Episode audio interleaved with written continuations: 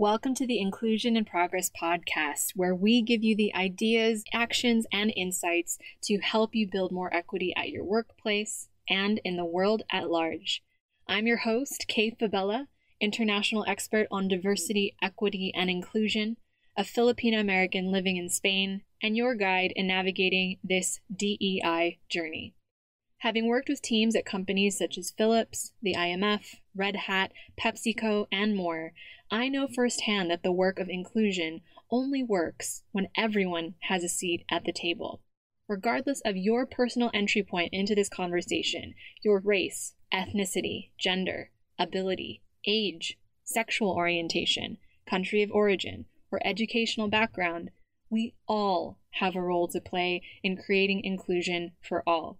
And it starts with us having conversations we need to create the change we wish to see. So let's dive into today's episode.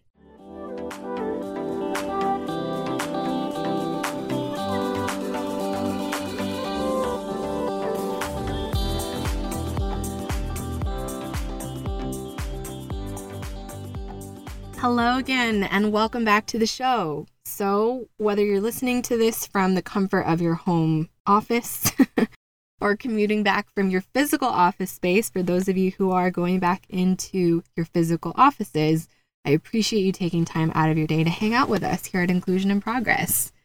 Now, on our end, Team K and I are also finding our way these days as a fully remote team across multiple time zones navigating linguistic and cultural differences, as well as our varying tech and connectivity issues. Side note, could we just agree that daylight savings time is one? Okay, fine, some countries want to do it. But secondly, could we also look at if you're going to choose to do daylight savings, could you please all do it the same week? It would just make all of our lives easier. if you know the struggle, please let us know. But we have slowly been surely, despite all of these things, as a team, creating rituals that help us redefine and reimagine productivity to optimize not only our individual, but also our collective performance, which we'll be sharing on today's episode. But all this to say that with many of our teams now navigating some version of remote or hybrid work in and outside of physical office spaces, it's bringing up challenges for everyone as we navigate our very present future of work which is why Team K and I are also excited to announce our newest 2021 white paper on the future of work culture, packed with our latest insights on how remote work, demographic and cultural shifts, and distributed teams will affect your future workforce. So if you'd like to grab a copy when that's available, please head to the link in the show notes to subscribe to our newsletter and grab it once it's live. We've packed this latest edition of our white paper with our observations, predictions, and of course, recommendations for where DEI or diversity, equity, and inclusion will need to evolve next year based on our ongoing partnerships with clients such as Red Hat, Instagram, Listrak, Jamf, the UN, and more. So, if you're a DEI or inclusion minded leader, head to the link in the show notes of this episode to receive your copy of our 2021 white paper. Now, back to today's episode. We know based on your feedback on our last few episodes that you're liking this multicultural conversation we're starting here on Inclusion in Progress. And of course, as a multicultural team ourselves, spanning EMEA, APAC, and America regions, it's a topic that's not only incredibly personal to us, it's also something that we've been regularly advising our clients on. So it was only a matter of time before we started weaving in our truly global cross cultural perspective more thoughtfully into how we discuss inclusion on the show. But even though we know the importance of taking into account our global team members, we also have to remember that no one country or one culture is a monolith. That, of course, even within countries and regions and cities and more rural areas, we're seeing cultural differences and nuances as demographics shift. Now, this is a shift that teams and companies around the world are now facing which is the entrance of Generation Z into the workforce, Z for our UK folks. And with this, of course, comes the ushering in of a more culturally diverse working population.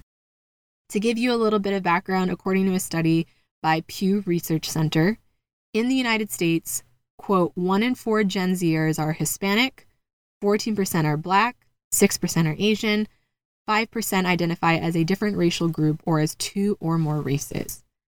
Now, Gen Zers, according to the study, are also more likely than previous generations to be children of immigrants, with 22% having at least one immigrant parent. With such diversity within the generation alone, it is of course no wonder that this study also states that Gen Z welcomes the growing racial and ethnic diversity as a good thing, and roughly two thirds of Gen Zers agree that blacks are treated less fairly than whites in the United States, with many standing in solidarity with the Black Lives Matter movement that resurged in 2020. Gen Z is also being called the best educated generation yet. They have a lower high school dropout rate and a higher college enrollment rate or university enrollment rate compared to previous generations. But of course, beyond formal education, we also have to remember this is the generation that does not remember the dial up sound. or maybe they do, but they can't recall, they cannot remember a life without the internet. And if they do remember the dial up sound, well, you've overlapped with me then. Gen Z is also who we call digital natives because growing up learning not only from their formal educational institutions like their schools and universities, they've also learned from their racially and ethnically diverse peers, and of course, the devices that they pretty much always have in their hands. These devices have, of course, given them access to information that previous generations, including mine, didn't have access to things like anti racism awareness campaigns, videos showing the lack of clean water halfway around the world, access to studies and data that puts our environment at the top of the priority list, and more. So, why is all of this important to you?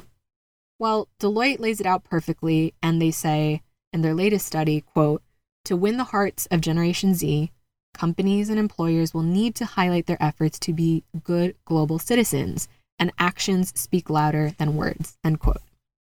Now, of course, many of these numbers and trends that I'm citing here are predictably sourced from North America, given the cultural diversity of a place like my birth country, the US. But we're seeing these similar demographic trends happening around the world, which will, of course, affect your global workforce's makeup in identity and culture. We also know that Gen Z, being more connected than ever before, share similar cultural paradigms, tastes, and worldviews. I mean, perfect example my Spanish niece, just as obsessed with BTS and K pop as folks her age in South Korea, Brazil, or New York City.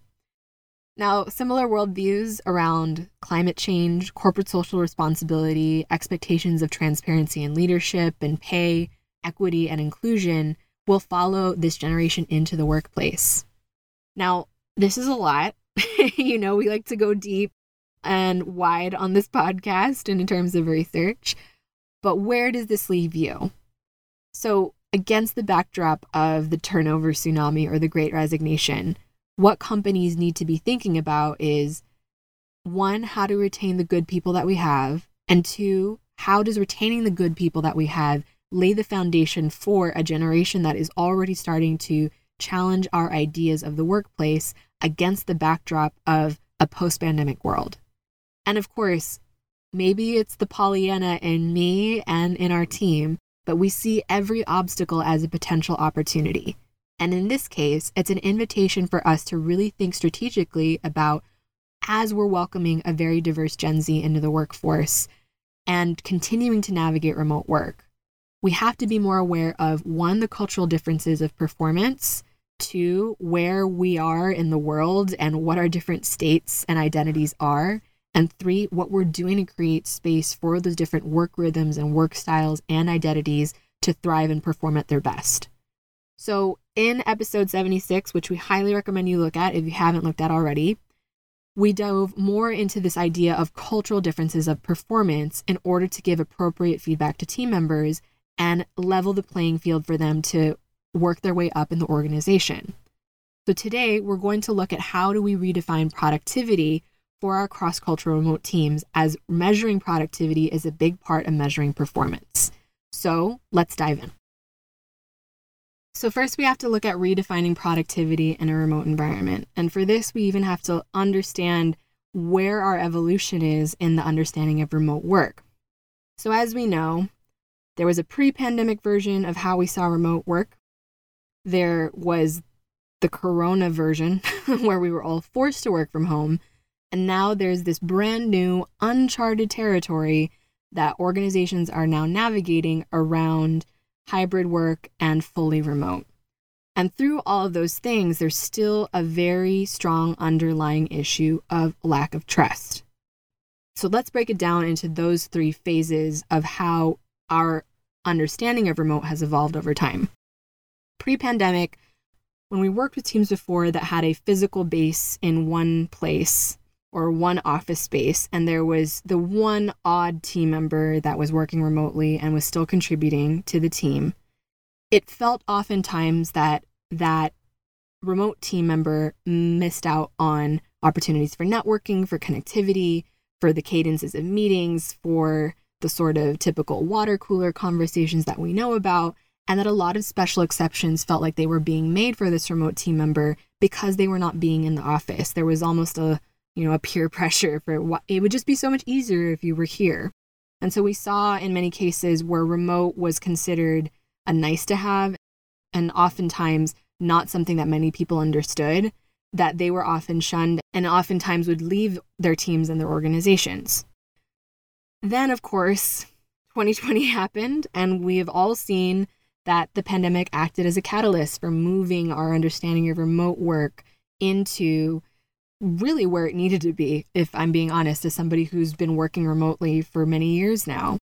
And the main struggle there was again around trust because many folks still relied physically on whether or not they could see somebody to get a meeting accomplished or get a task done. To know that they were physically seeing somebody on a meeting or even in an avatar form on something like Slack or Skype or whatever the platform of choice was, oh, they're online, so they're actually doing work.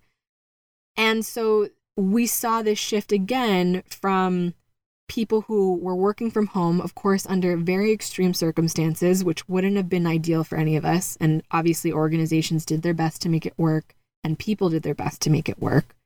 But as we saw, many folks started to extend their working hours because one, productivity was not clearly defined, and two, they often felt pressured to look like they were showing up and doing the work, and that they needed to look like they were being present for managers or team members to see that they were being quote unquote productive. And now, as we're looking into companies either embracing fully remote or looking at navigating some version of hybrid, now we have to look at against the backdrop of the great resignation one, what could we do to better meet the circumstances and the desires for flexibility that more employees have now?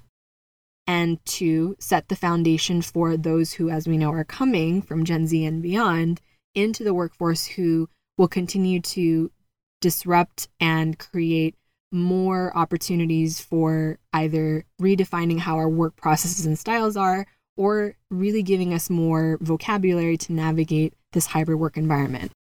So, in terms of redefining productivity, just a few thoughts on this. First, we have to look at moving from this idea of everything being synchronous to asynchronous, and that the quality of the individual's output is much more important than the hours or the screen time or the days that they have worked. I know this is still a shift that many people are navigating, and I know that many managers from those who we've spoken to are still trying to understand, especially for our leaders who have only ever known working with people in the office, shaking hands, and seeing folks in front of them.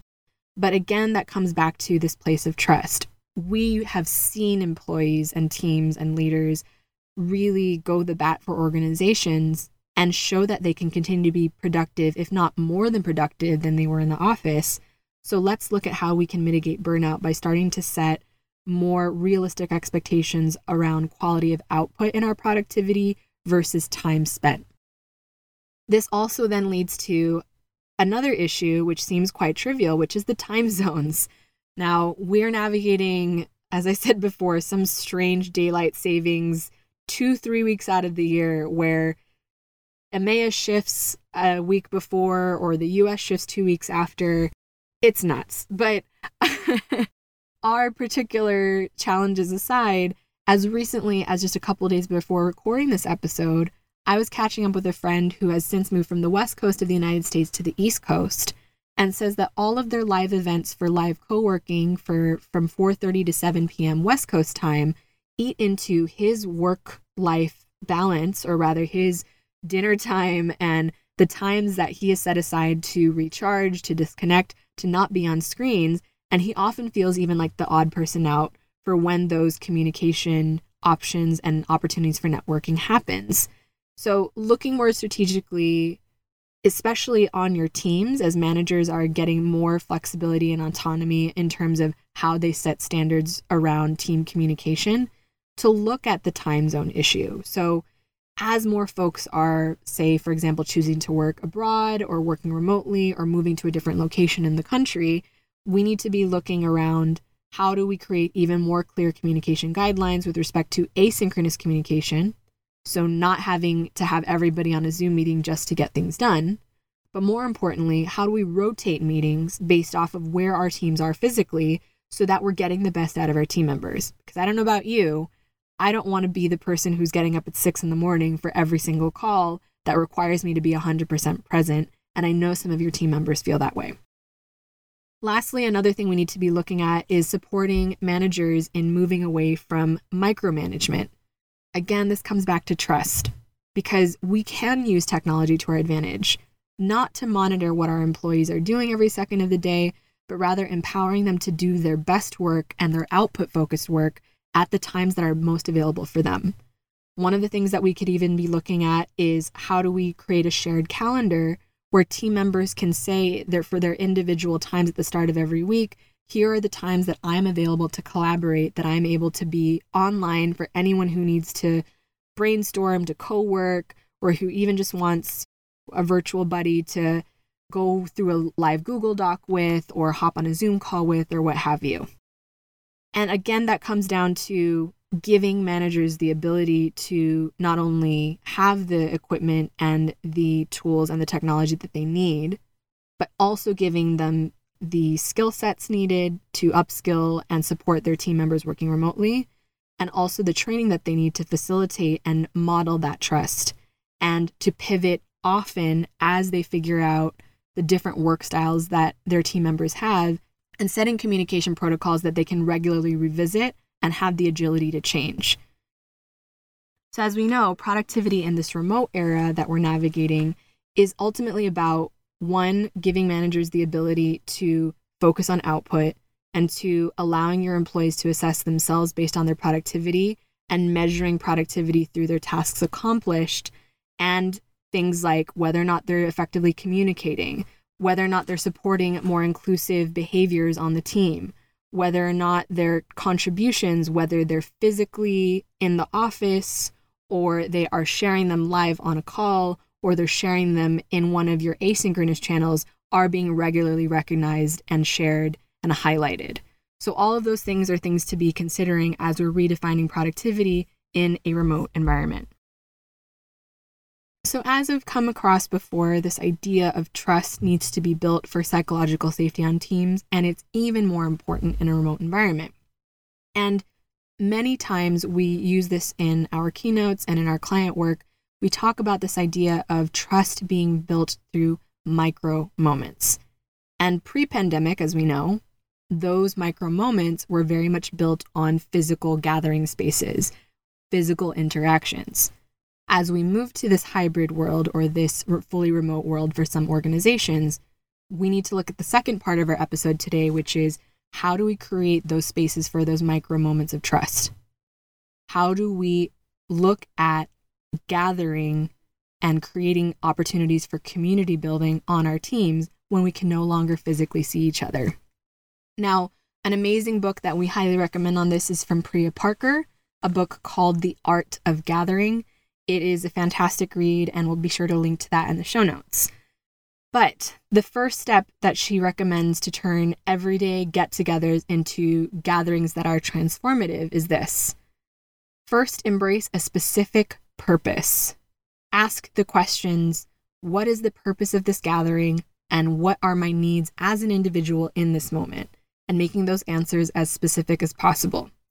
One of the ways that we do that as a regular cadence for our teams, because we only really have two synchronous meetings a week for Team K, is on Mondays we have our more functional meeting where we discuss admin and stuff that's coming up for the week, give some opportunities for brainstorm ideas, and looking for ways that each of us can sync on specific projects and open loops that we have as a team. And Fridays, we have a one and a half hour, almost sacred gathering space that we've just created in the calendar as a time block that we have every Friday. The idea is that you can drop in, drop out. You don't have to be there for the whole thing. What we found is that over time, many of us have actually started and stayed on those calls for the entire 90 minutes just to be able to talk about everything from what's happening in our personal lives to things that we've read on the news that we want to discuss to sharing our latest travel photos if we happen to be moving around to celebrating birthdays to celebrating one another and those different accomplishments and really just pouring into each other as a team and honestly more laughs than I care to share about so many different aspects of our lives that wouldn't necessarily happen in a gathering space such as our Monday meeting.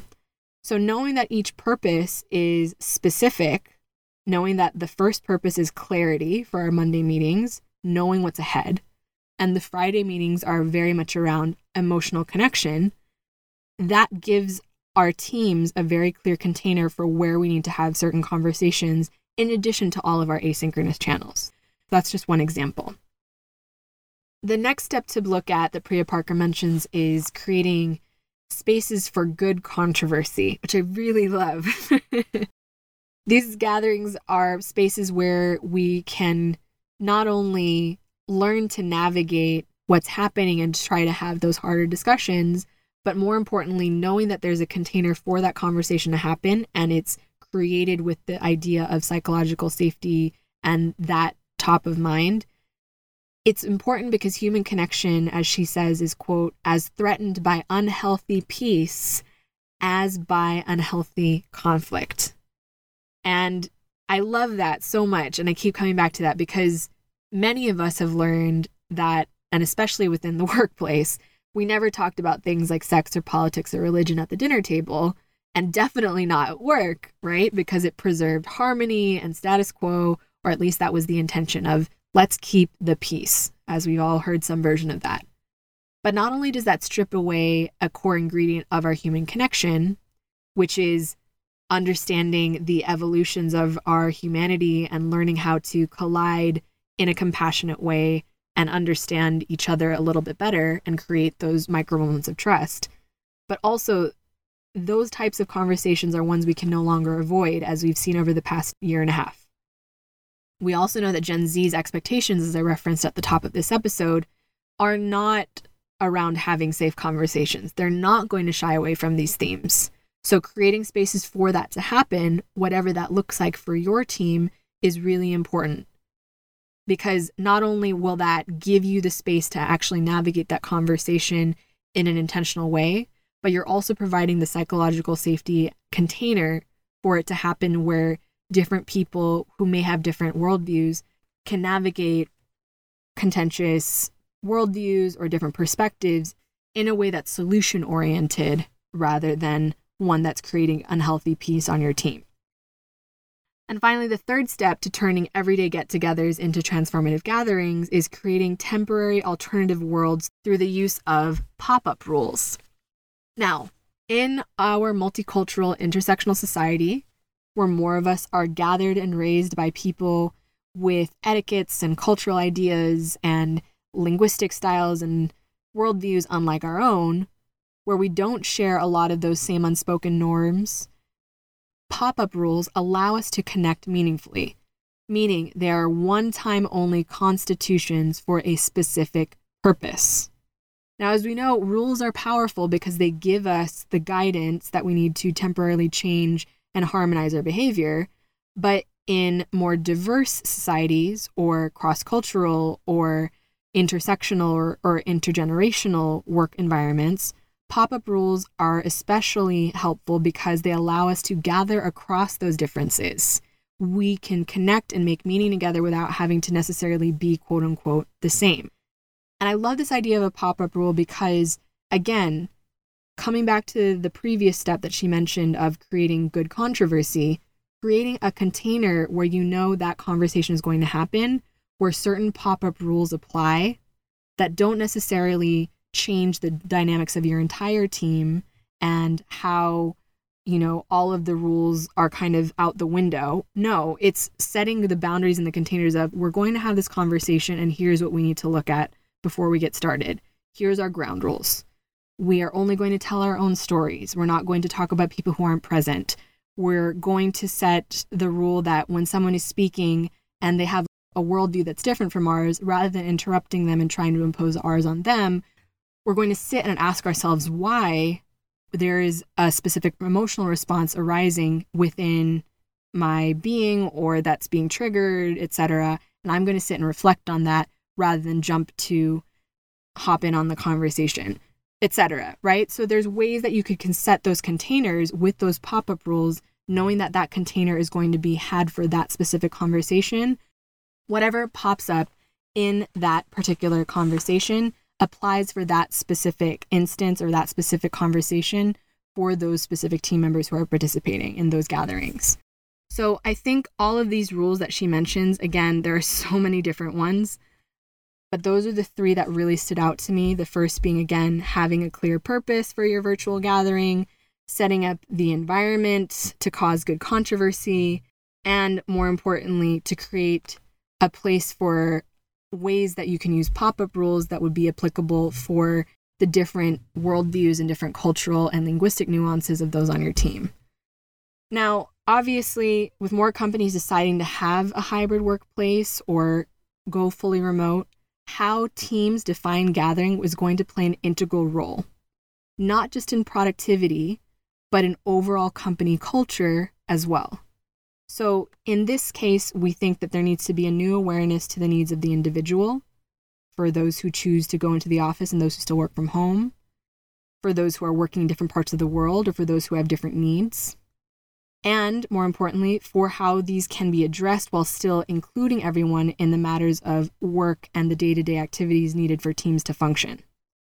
And also, another thing to consider for companies is whether or not meetings need to continue to be done over Zoom or through virtual meetings, or there could potentially be other channels where these things could be exercised so that we move away from using only one set of tools for every single function of how we gather. So, our team and I know as we have discussions like the one that we just shared with you that we can't solve all of the problems outside of our workplaces when we're navigating so many different threads at once and doing the best we can to react to what's in front of us.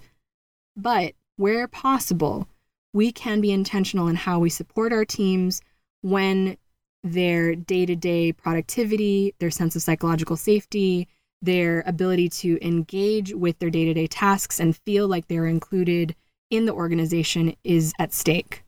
So, if you're looking for guidance on how to create greater connectivity for your distributed teams, no matter where they are in the world, head to the link in the show notes to book a call with us and learn more about how we can support your teams with inclusion, cross cultural collaboration, and of course, creating remote teams that work.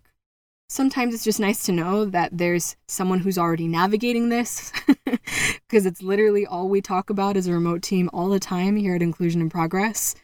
And if we can help you contextualize what's happening, support you in navigating the challenges of your workplace and your team together, we're here to help. So be sure to book a call with us to work with us in 2022. Our Q1 calendar is full. We're already taking engagements for Q2. So be sure to book a call at that link in the show notes to see how we can support you and your remote team at this time. So, in this episode, we've looked at how do we redefine productivity in a remote environment? We've looked at ways to create gathering spaces for those micro moments of trust in a remote environment. Now let's look at structures. Now, this is going to get a little boring here, or but bear with me. We're looking at org charts. Now, when teams are physically decentralized, we know that having an org chart or a clear organizational structure helps each employee understand how they're connected to one another. Because time and time again, we've been looking at employee pulse surveys, we've been looking at surveys that we've been running with clients or listening to focus groups with our partners. And workers in distributed teams have struggled most with isolation and feeling disconnected, but have a clear desire for interdepartmental collaboration, clearer communication pathways, and understanding the different stakeholders and point persons for them to go to, for them to feel like they know where things are in an organization. And this is where having an org chart is helpful, right? An organization structure also helps each worker to feel like they're connected to a larger mission. Now, with many of us not having physical gathering spaces, of working in the same location, an org chart again helps unify a distributed team by showing which groups are working on what, which groups are leading which functions, how all of those are, from a zoomed out perspective, working towards the same company mission, especially when, as we know, many departments don't necessarily interact or have much overlap. Knowing that there's this joint purpose and seeing it through something like an org chart can help drive a common mission that creates a stronger company culture. But when it comes to teams specifically, whereas an org chart is really helpful for orienting where you are in an organization, especially if you're newer, for teams, managers have to look at leading not necessarily with top down management, but non hierarchically. Because this shares responsibility and accountability, encourages more team members, regardless of background or location or ability, to be internally motivated towards action and for the betterment of the team. Now, of course, distributed teams are still going to have clear leadership structure. There's going to be a team with a manager, and each person is going to continue to report to them and report the responsibilities to them. But ultimately, each individual, manager, or employee must be empowered and trusted in their roles. And this is where hierarchical leadership, as we know, thrives in an in person setting but leading a remote team is going to require leadership to challenge each team member to be internally motivated. Now, this doesn't necessarily mean reimagining your org chart. It's just this mental shift of moving from a place of whatever I say as the manager goes to where there are more opportunities for either one, two way dialogue with my direct reports to give them more opportunities for their voices to be heard and for me to assess their performance and places where their contributions can be either led by each of them and helping them exhibit their own versions of leadership, or two, that they can look for cross collaboration even amongst themselves and create co leadership opportunities on the team rather than it being just led by the manager or the line manager who's leading that team. So, of course, all of this to say that this idea of navigating an org chart with a sort of pyramid hierarchy, if you could see my hands right now, I'm literally making a pyramid, Mr. Burns style. but moving from that to a more flattened perspective of how we actually lead teams, ultimately, managers and teams who are working with them are going to know what works for their teams and their functions best and we need to be creating that opportunity for greater agility and more two way dialogue across the team in a non hierarchical way. So even though they sound counterintuitive, they're both going to lead you towards a structure that supports a remote or hybrid workforce that is ultimately inclusive, that gives each of your employees the ability to voice not only their opinions, but share their talents and their contributions as well as lay the foundation for Gen Z that is going to continue to not just desire opportunities to contribute and make their voices heard, but also have greater transparency and the ability to contribute more meaningfully to these kinds of discussions. So, setting these structures right now for your organization will not only benefit your teams today, but also your teams tomorrow. So, there you have it. Those are our three ways to redefine productivity in a remote environment, considering the different generational perspectives of both your current and future team members, as well as the different cultural perspectives from those who are navigating different stages of work, whether it's remote or hybrid, around the world. Now, whatever version your organization is taking for your future workforce, if you are not considering all of these questions, it means you're going to be losing folks who are coming in the door who are going to be less inclined to expect a company culture that's not flexible, that isn't catered to their needs, and doesn't respect all the different nuances and experiences of their lived identities, as well as their desires as members of your teams. So, of course, as always, you have two choices. You can wait for there to be more challenges and just kind of react and hope and pray as each new challenge arises that you'll have the ability to navigate it. Or you can work with somebody that'll allow you to leverage an opportunity to start thinking more critically about your company culture, about processes like measuring performance and productivity, and about creating more structures that tap into the full potential of your people and drive your business forward. So, as you know, we've been working with global organizations like Red Hat, Instagram, and more on intercultural and intersectional talent strategies to prepare your company culture for our remote future of work, setting the foundation for that environment today to not just tap into your people's performance today, but also reap dividends for your company and the talent to come in the door for decades to come. If you'd like to learn more about our latest white paper, where we've dove into all of the different insights and strategies and trends that we've been seeing from working with these types of organizations, be sure to head to the link in the show notes to see that and take the insights from that, share it with those on your team, utilize that as you're planning your DEI strategy for 2022 and beyond. And of course, if you go through that or you're listening to this episode or even following us for a while and you want to hop on a call with us, we of course welcome the chance to work with folks from all over the world and dive into how we could partner with you on equity and inclusion in 2022. So the link for downloading the white paper as well as booking a call are in the show notes of this episode, so be sure to check those out. As always, thank you for listening and see you next time on Inclusion in Progress.